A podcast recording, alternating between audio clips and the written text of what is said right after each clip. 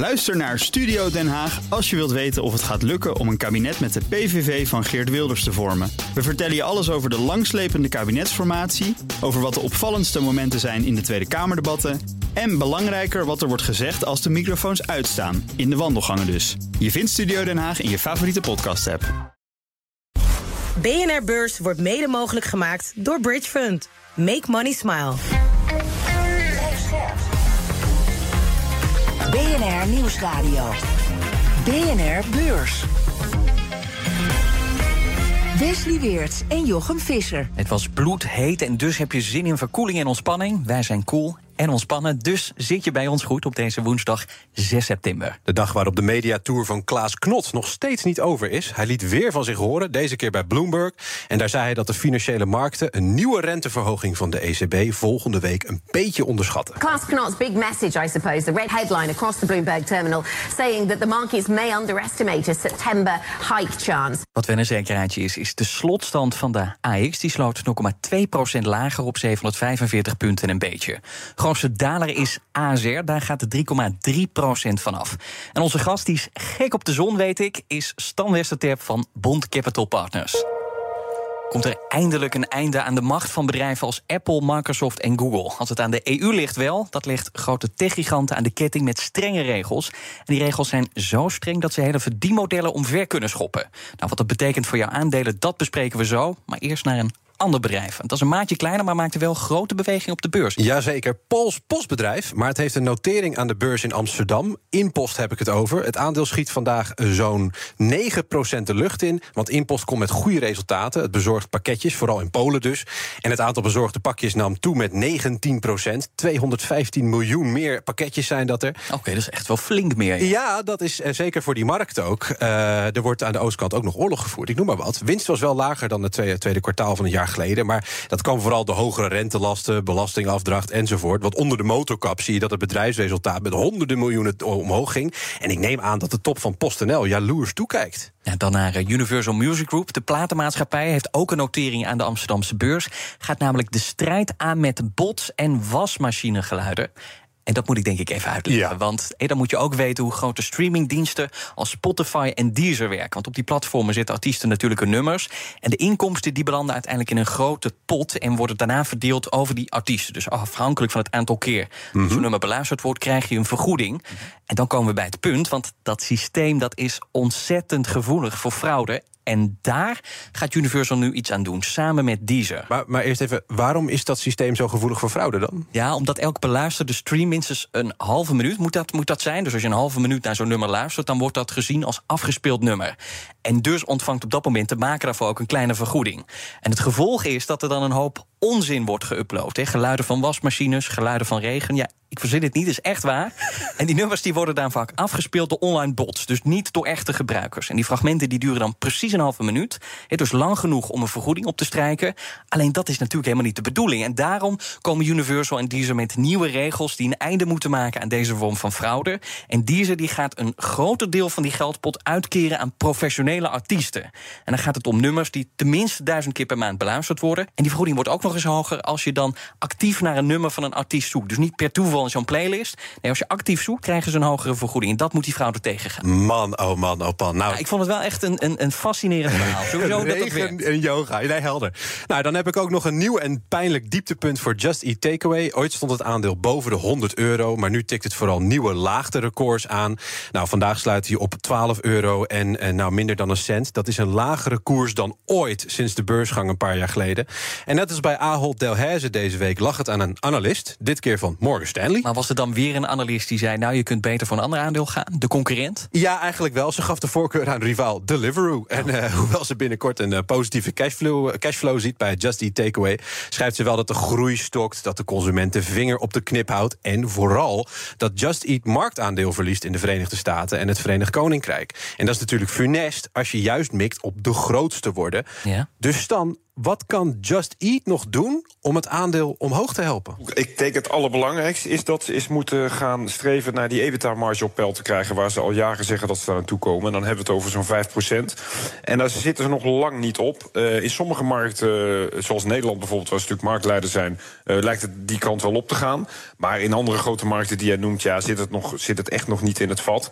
En sommige markten, denk ik, een tweede belangrijk argument, moeten ze gewoon afscheid van nemen, omdat ze daar echt te klein zijn. En dat eigenlijk te veel geld kost. Amerika, bijvoorbeeld met Grubhub, daar hebben ze echt aan die overname vertild. En het is ook ja, een publiek geheim dat Grubhub uh, te koop staat. Of in ieder geval uh, voor strategische review in aanmerking komt. Dat mm. betekent eigenlijk als er iemand een goed bod biedt, dat, ze het, dat ze het zullen verkopen. Dan naar een maatregel van de Chinese overheid. En die maatregel die kan flinke schade veroorzaken bij Apple. Chinese ambtenaren die mogen namelijk geen iPhones meer gebruiken. Daarover schrijft de Wall Street Journal. Die krant die ontdekte dat leidinggevenden bij staatsbedrijven... de afgelopen weken op hebben aangedrongen...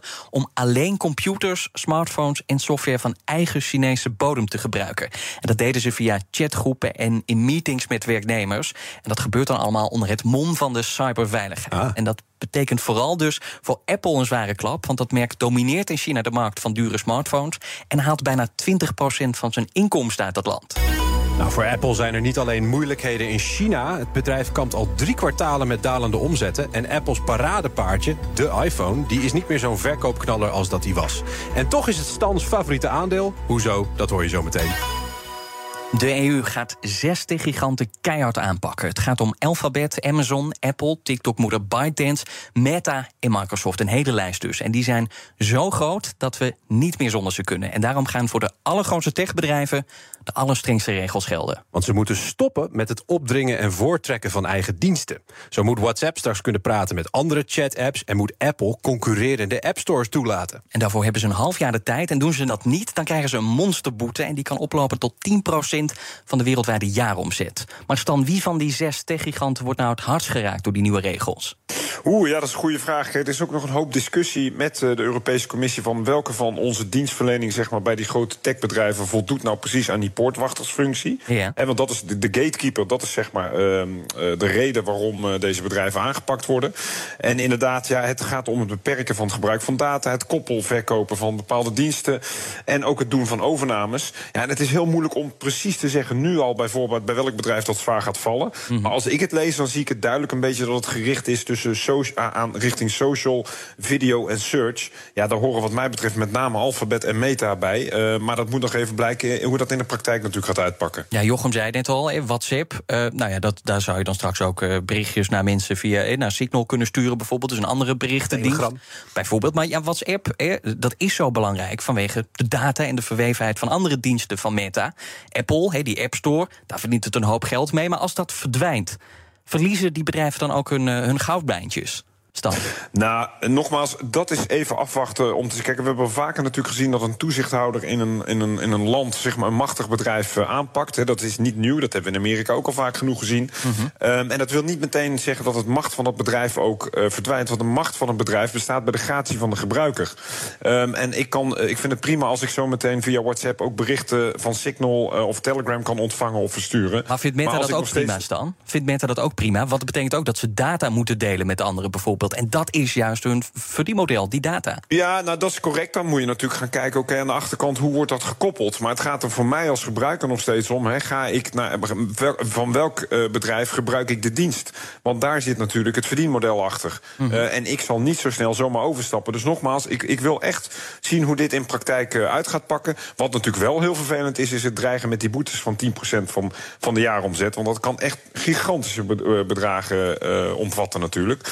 Dus ik ik wil echt even zien hoe, we dit in de, uh, hoe dit in de praktijk gaat uitpakken. En ik ben ook van mening dat het voor gebruikers ook nog wel eens een last zou kunnen zijn. Hè. We hebben dat wel vaker gezien in het verleden. Bijvoorbeeld die eeuwige cookie-kliks uh, die je hebt als je op een nieuwe website komt. Mm -hmm. uh, of bijvoorbeeld onlangs het nieuws dat Teams uit standaard uit Office van Microsoft wordt verwijderd. Het is maar de vraag of de gebruiker daar uiteindelijk ja, gelukkiger van wordt of niet. Ja, het schiet soms zijn doel voorbij. Maar als belegger, want je zegt er is nog best wel wat onduidelijkheid ook. Het is maar even afwachten hoe groot de impact echt op die bedrijven gaat zijn. Maar als belegger, als je aandelen van die bedrijven hebt, ja, hoe moet je daar nu dan mee omgaan? Hoe kijk jij daarna? Nou, kijk, dit is niet nieuw. Wat nu wel eh, eh, bekend is geworden, hè, dat die gatekeepers die namen zijn. Maar goed, dat was in de markt natuurlijk al lang bekend. Hè, dat het de grote tech-jongens uit Amerika waren, plus ByteDance eh, hè, de, van de Chinese TikTok. Ehm, en toch zie je dat de aandelenkoersen eigenlijk nauwelijks hebben gereageerd. Dat betekent eigenlijk dat beleggers ook een afwachtende houding aannemen. om inderdaad te gaan zien, hè, hoe gaat dat dan eruit zien als we begin volgend jaar al deze regulering zeg maar, over deze bedrijven uitgestrooid gaat worden. Ehm, en vooralsnog lijken beleggers daar zich niet zo heel erg veel zorgen over te maken. Omdat je anders wel had gezien dat, eh, dat veel van die koersen al af waren gekomen. En sterker nog, al deze bedrijven die we nu eh, noemen, ja, die hebben allemaal een koerssprong gemaakt dit jaar van 40, 50, 60 procent. Dus het lijkt nog niet dat beleggers zich heel erg zo- veel zorgen hierover maken. Nou, wie de regels overtreedt, riskeert een boete van vele miljarden euro's. Maar we weten allemaal hoe dat vervolgens gaat. Die boetes worden aangevecht en jaren later zijn ze nog niet betaald. Waarom zou dat nu weer anders zijn? Ja, dat is, dat is inderdaad ook een belangrijk punt. Eh, dit soort bedrijven vechten natuurlijk al langer met, met de, de, de Europese instanties, eh, zeg maar. Eh, en het, het is niet vaak gebeurd dat een boete inderdaad heel lang duurt voordat die wordt betaald. Of dat die fors wordt verminderd. Of dat er een rechter een streep er doorheen zet. Dus eh, de soep wordt vaak niet zo heet gegeten als dat die wordt opgediend. Wat denk ik wel goed is, dat deze Digital Markets Act waar we het over hebben, echt uitgaat van ons als gebruiker in de Europese Unie. Ehm, en ervoor is om ons te beschermen. En ervoor is om niet alleen de grootste bedrijven, techbedrijven hier actief te hebben, maar de beste techbedrijven. Dat is zoals het een beetje verkocht wordt aan de burgers eh, binnen de EU. En in die zin zou het zomaar kunnen zijn dat er ook ruimte ontstaat voor kleinere spelers die wellicht een betere dienst eh, of een beter product hebben. Nou zijn er dan ook beursbedrijven trouwens, die nu dus kleiner zijn in die, eh, in die markt. En die dus nu door die nieuwe regels eh, een, voorsprong krijgen. En, en dus misschien ook een interessantere belegging worden. Nou ja, dat is een beetje de, de argumentatie van de Europese Commissie, als ik het goed eh, begrijp. Hè. Alleen nogmaals, dan zullen we in de praktijk moeten gaan afwachten hoe dat bij, de, bij gebruikers eh, gaat landen. En of die inderdaad gaan overstappen naar andere diensten en andere producten.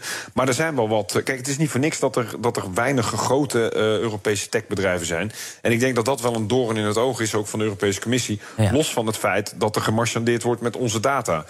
Dan naar eh, Volkswagen, want dat maakt na meer dan 70 jaar een einde aan Seat. En dat is onderdeel van de Volkswagen-groep. Tegen 2030 verdwijnt Seat als automerk... en Seat wordt ingeruild voor Cupra. En dat meldt het Duitse Handelsblad. Maar dan, hoe past dit in de strategie die Volkswagen... een paar maanden geleden heeft aangekondigd? Nou ja, het is eh, zoals bij zoveel autobedrijven natuurlijk. eh, enerzijds heb je de, de, de, overgang naar elektrificatie. En dat is natuurlijk bij een, een traditionele autobouwer heel erg eh, ja, lastig en duur, eh, sorry, een duur proces. Ook technisch ingewikkeld. En tegelijkertijd heb je natuurlijk. Volkswagen heeft een heel palet aan merken onder zich. Waarvan je kan afvragen of die nou allemaal even succesvol zijn. Nou, ze hebben daar gewikt en gewogen. En zijn tot de conclusie gekomen dat Seat vanaf 2030 niet meer als merk verkocht gaat worden. Dat betekent niet dat het geheel verdwijnt. Ik geloof wel dat ze nog elektrische stepjes, et cetera, onder die naam willen gaan verkopen. maar ze kiezen inderdaad voor Cupra. En Cupra moet dan weer een volledig elektrisch merk worden vanaf 2030. Het is overigens niet zo dat de fabrieken, et cetera, van eh, Volkswagen in, eh, in Spanje gaan verdwijnen. Maar de naam Seat zal in ieder geval niet meer op een auto geplakt worden vanaf 2030. Maar waarom wordt Seat geliquideerd en waarom mag Cupra blijven? De verwachting van Volkswagen is dat Cupra eh, beter valt bij de consument. Eh, dus dat ze daar beter eh, op kunnen, kunnen verkopen. Dat het ook ehm, kostenefficiënter is om zeg maar één Spaans merk te voeren. En Cupra heeft binnen, de, ja, binnen de, de, merknamen en het, palet dat Volkswagen heeft... nu eenmaal een streepje voor. En ze verwachten dat ook beter als elektrisch automerk te kunnen gaan neerzetten. Dus vandaar dat ze een streep zetten door Seat en verder gaan met Cupra. En hoe verhoudt Cupra zich dan tot de alle andere merken in de Volkswagen-stal? Want dan heb je ook Ja, nog Audi, Skoda wel- enzovoort. Ja, nou, het is, het is een, een, klein, eh, in die zin relatief beperkt eh, automerk nog. Hè, met een, een, een, eh, een aantal miljoen verkochte auto's. Oh. Eh, en dat valt natuurlijk in niets bij, inderdaad, hè, de, gigantische merken zoals een Audi en een Volkswagen. Maar ehm, ik denk wel dat Volkswagen in die zin er verstandig aan doet om toch een, een, ook een Spaans merk in de lucht te houden. En dan ook meer te gaan richten hier op elektrificatie. En Seat heeft wat dat betreft toch meer een legacy van ook gewoon een verbrandingsmotor. En dat is ook eh, ongetwijfeld een reden voor Volkswagen om, eh, om dit merk overboord te gooien uiteindelijk. Was dan bij die bekendmaking van die plannen, eerder dit jaar waar ik naar verwees, dan zei, daar zei Volkswagen ook, we willen die marges verbeteren. Dat was een van de belangrijkste punten. Gaat dit daarbij ook echt eh, helpen, het, het liquideren van Seat en het in de lucht houden van Cupra?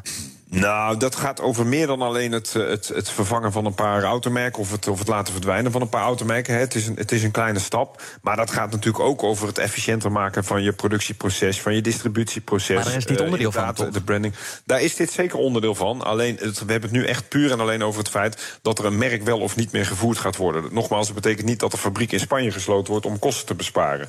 Dus het is puur een, een, een brandingkeuze in die zin eh, om verder te gaan met Cupra en eh Seat eh, eh, links te laten liggen. Maar dat betekent niet dat je daarmee ook miljarden aan kosten gaat besparen. Dan moet je echt veel verder gaan kijken.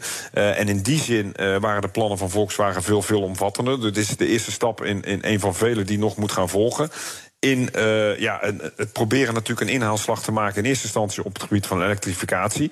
Maar ook als we als beleggers kijken naar de waarderingen van autobouwers... en dan Volkswagen in het bijzonder...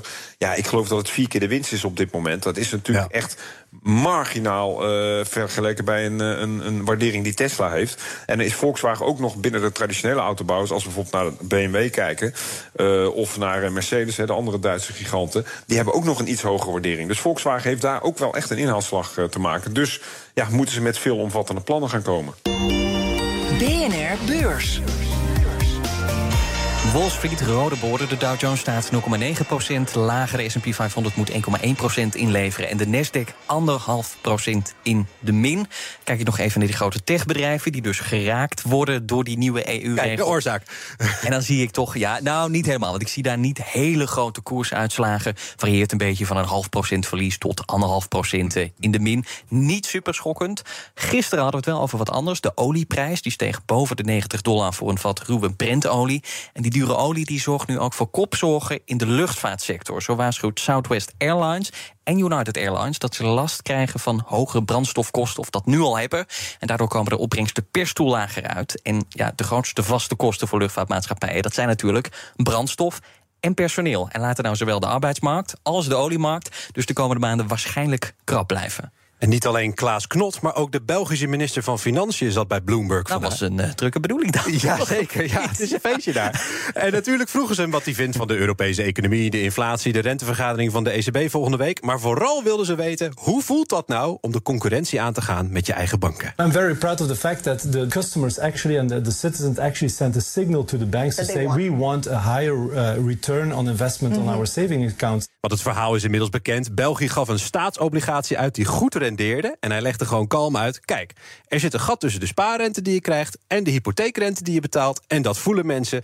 Dus ik ben wat druk gaan uitvoeren op de markten. door mensen bij de Belgische staat te laten sparen met een obligatie. En het was echt een prachtig interview. Want hij legt dat dus enthousiast uit. En hij zegt dat topmensen in België de boodschap luid en duidelijk ontvangen hebben. En dan zegt de presentator van Bloomberg het ook. Ja, je bent er heel trots op, hè? En dan kondigt hij met een glimlach aan. Ja, deze obligatie is goed ontvangen en er is zeker ruimte om dat nog een keer uit te halen, bijvoorbeeld in december. Oftewel, Belg- Belgische banken, wees gewaarschuwd.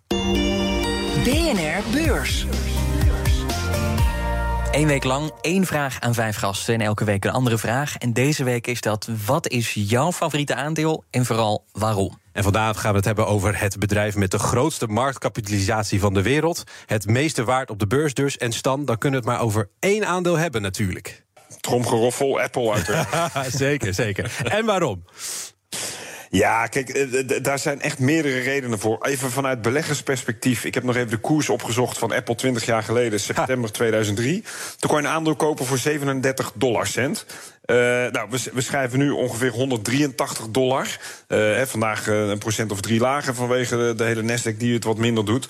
Maar dan nog steeds heb je een eh, 500 keer je inleg. Oftewel een, een rentepercentage of een rendementspercentage van 50.000 procent. Ik heb het nog even nagerekend. Nou, dus alleen al vanuit beleggersperspectief fantastisch. En zeker als je, hè, zoals wij altijd prediken als vermogensbeheerder, gaat voor lange termijn rendementen.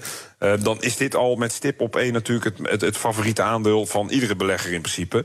Maar het verhaal daarachter is natuurlijk ook prachtig. Hè? Je hebt een, een, een visionair eh, gehad als oprichter. Die inmiddels niet meer eh, bij ons is, al, al, al meer dan twaalf jaar. Maar die een product en een, en een bedrijf heeft neergezet. dat zo goed was dat het de tand des tijds kon doorstaan. maar ook nog eens het grootste bedrijf ter wereld werd. Eh, en die smartphone-introductie in, eh, ik meen 2006 even uit mijn hoofd, 2007. Ja, dat is zo'n goed product geweest. Daar profiteert Apple nu nog steeds van. Ondanks dat die omzetten wat minder worden daaruit... is dat natuurlijk nog by far gewoon de cash generator van, van Apple. En alle aanverwante diensten die daarbij horen. Ja, dat is gewoon per saldo uh, zeg maar de natte droom van iedere belegger om op tijd bij zo'n bedrijf te zijn en dan gewoon de hele rit uh, mee uit te zitten. Nou ja, er zijn meerdere fondsmanagers die zich nog steeds voor de kop slaan. Maar vandaag staat het 3,5% in de min, zie ik. En na teleurstellende ja. kwartaalcijfers daalde het aandeel recent ook met 9%. Waarom vallen de cijfers bij Apple al een tijdje tegen? Ja, het, is, het tegenvallen is ook relatief. Hè? Want als Dat je klopt. voor, voor honderden miljarden aan omzet uh, draait uh, per jaar... Dan, uh, dan kan het ook wel eens even een keertje wat minder zijn. Kijk, wat Apple natuurlijk altijd standaard verweten wordt... is een gebrek aan innovatie.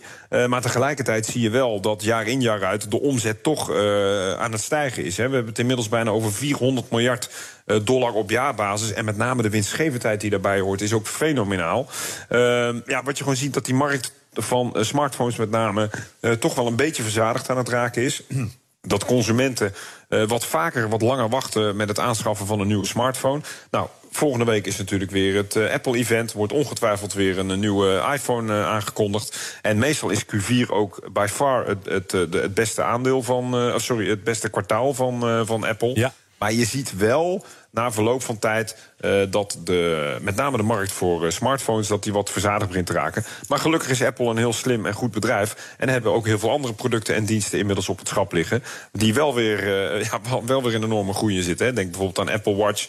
Denk aan services als, als in de cloud en dataopslag en dat soort zaken. Ja, maar het zijn, het zijn vooral diensten waar Apple het nu dus van heeft. Dat echte hele grote nieuwe product, hè, dat nieuwe iPhone-moment, dat is er niet meer gekomen nee. sinds 2006. Of welk jaar was het? Nee, dat klopt. En dat is een, een, een, argument wat je vaker hoort. Maar tegelijkertijd, als jij één keer in de 15 jaar, of wat is het, bijna 20 jaar, een product lanceert. wat 20 jaar lang zo hard groeit en zoveel winst oplevert.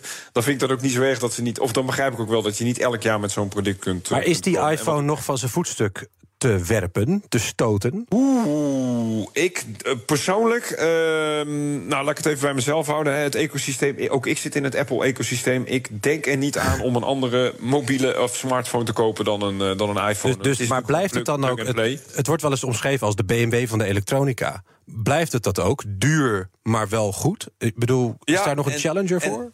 En nog steeds ook een beetje een soort van lifestyle product natuurlijk. Um, heel eerlijk gezegd, ik denk het niet. Alleen wat je dus wel ziet, en dat zie ik bij mezelf ook... is dat uh, je soms ook wel eens een jaartje overslaat van een nieuwe iPhone. Omdat die, uh, als die twee jaar oud is, doet hij het eigenlijk ook nog prima. En dat is natuurlijk wel iets wat, wat de omzet ook een beetje kan, kan drukken. Maar tegelijkertijd, ja, Apple heeft volgens mij de, de, de meest trouwe fans ter wereld zo ongeveer. En dat blijkt nogmaals ook wel uit, uit de gigantische... Uh, ja, wederkerigheid van, mm -hmm. uh, van de omzet natuurlijk. Wat zie je wel als bedreiging voor, uh, voor Apple? Nou ja, bijvoorbeeld de toezichthouders, hè, regulering. En inderdaad, wat we het net over hadden, China. Als er zo'n tech-oorlog ontstaat en we gaan zeggen... joh, we gaan in, in, in China geen producten van Apple meer verkopen... ja, dat zal wel een enorme streep door de rekening zijn. Want zoals je zelf net al zei... meer dan bijna 20% van de omzet komt uit China. en dat zijn wel echt serieuze risico's voor dit soort grote techbedrijven. Even los van het gebruiksgemak en wat de eindconsument graag wil. De Amerikaanse economie is groot, de Amerikaanse economie is prachtig... en daarom zijn de mensen bij de Federal Reserve heel erg machtig. Op naar morgen. Deze dag is niet alleen Braziliaanse onafhankelijkheidsdag... maar ook de dag waarop de Verenigde Staten in het zonnetje staan. Zo geven twee leden van de Federal Reserve een speech over de economie. Waaronder John Williams, die direct betrokken is bij de beslissingen over de rentestand. Verder valt het kwartaalbericht over de arbeidsproductiviteit in de VS op de mat. Die staat normaal niet hoog op de agenda, maar wordt de komende maanden steeds interessanter door de komst van kunstmatige intelligentie. Economen wijzen natuurlijk al jaren op lage groei van arbeidsproductiviteit in het Westen. Maar verzekeraar NN Group zegt per jaar al 7 miljoen minuten van de medewerkers te kunnen besparen door het gebruik van ChatGPT. En nu we toch vooruit aan het kijken zijn, laten we ook nog even naar de vrijdag kijken. Dan gaan we natuurlijk weer vragen van onze luisteraars beantwoorden. Daar heb ik nu al zin in, maar dan hebben we wel vragen nodig. En die kun je sturen naar bnrbeurs.bnr.nl. bnrbeurs.bnr.nl. Noteer dat e-mailadres. Dankjewel, Stan Westerterp van Bond Capital Partners, onze gast vandaag. Jij bedankt voor het luisteren, maak er een mooie avond van. En tot morgen. Tot morgen. BNR Beurs wordt mede mogelijk gemaakt door Bridge Fund. Make money smile. Ook Harm Edens vind je in de BNR-app. Je kunt BNR Duurzaam niet alleen live luisteren in de app, maar ook terugluisteren als podcast, zoals al onze podcasts. En naast dat de BNR-app Breaking News meldt, houden we je ook op de hoogte van het laatste zakelijke nieuws. Download nu de gratis BNR-app en blijf scherp.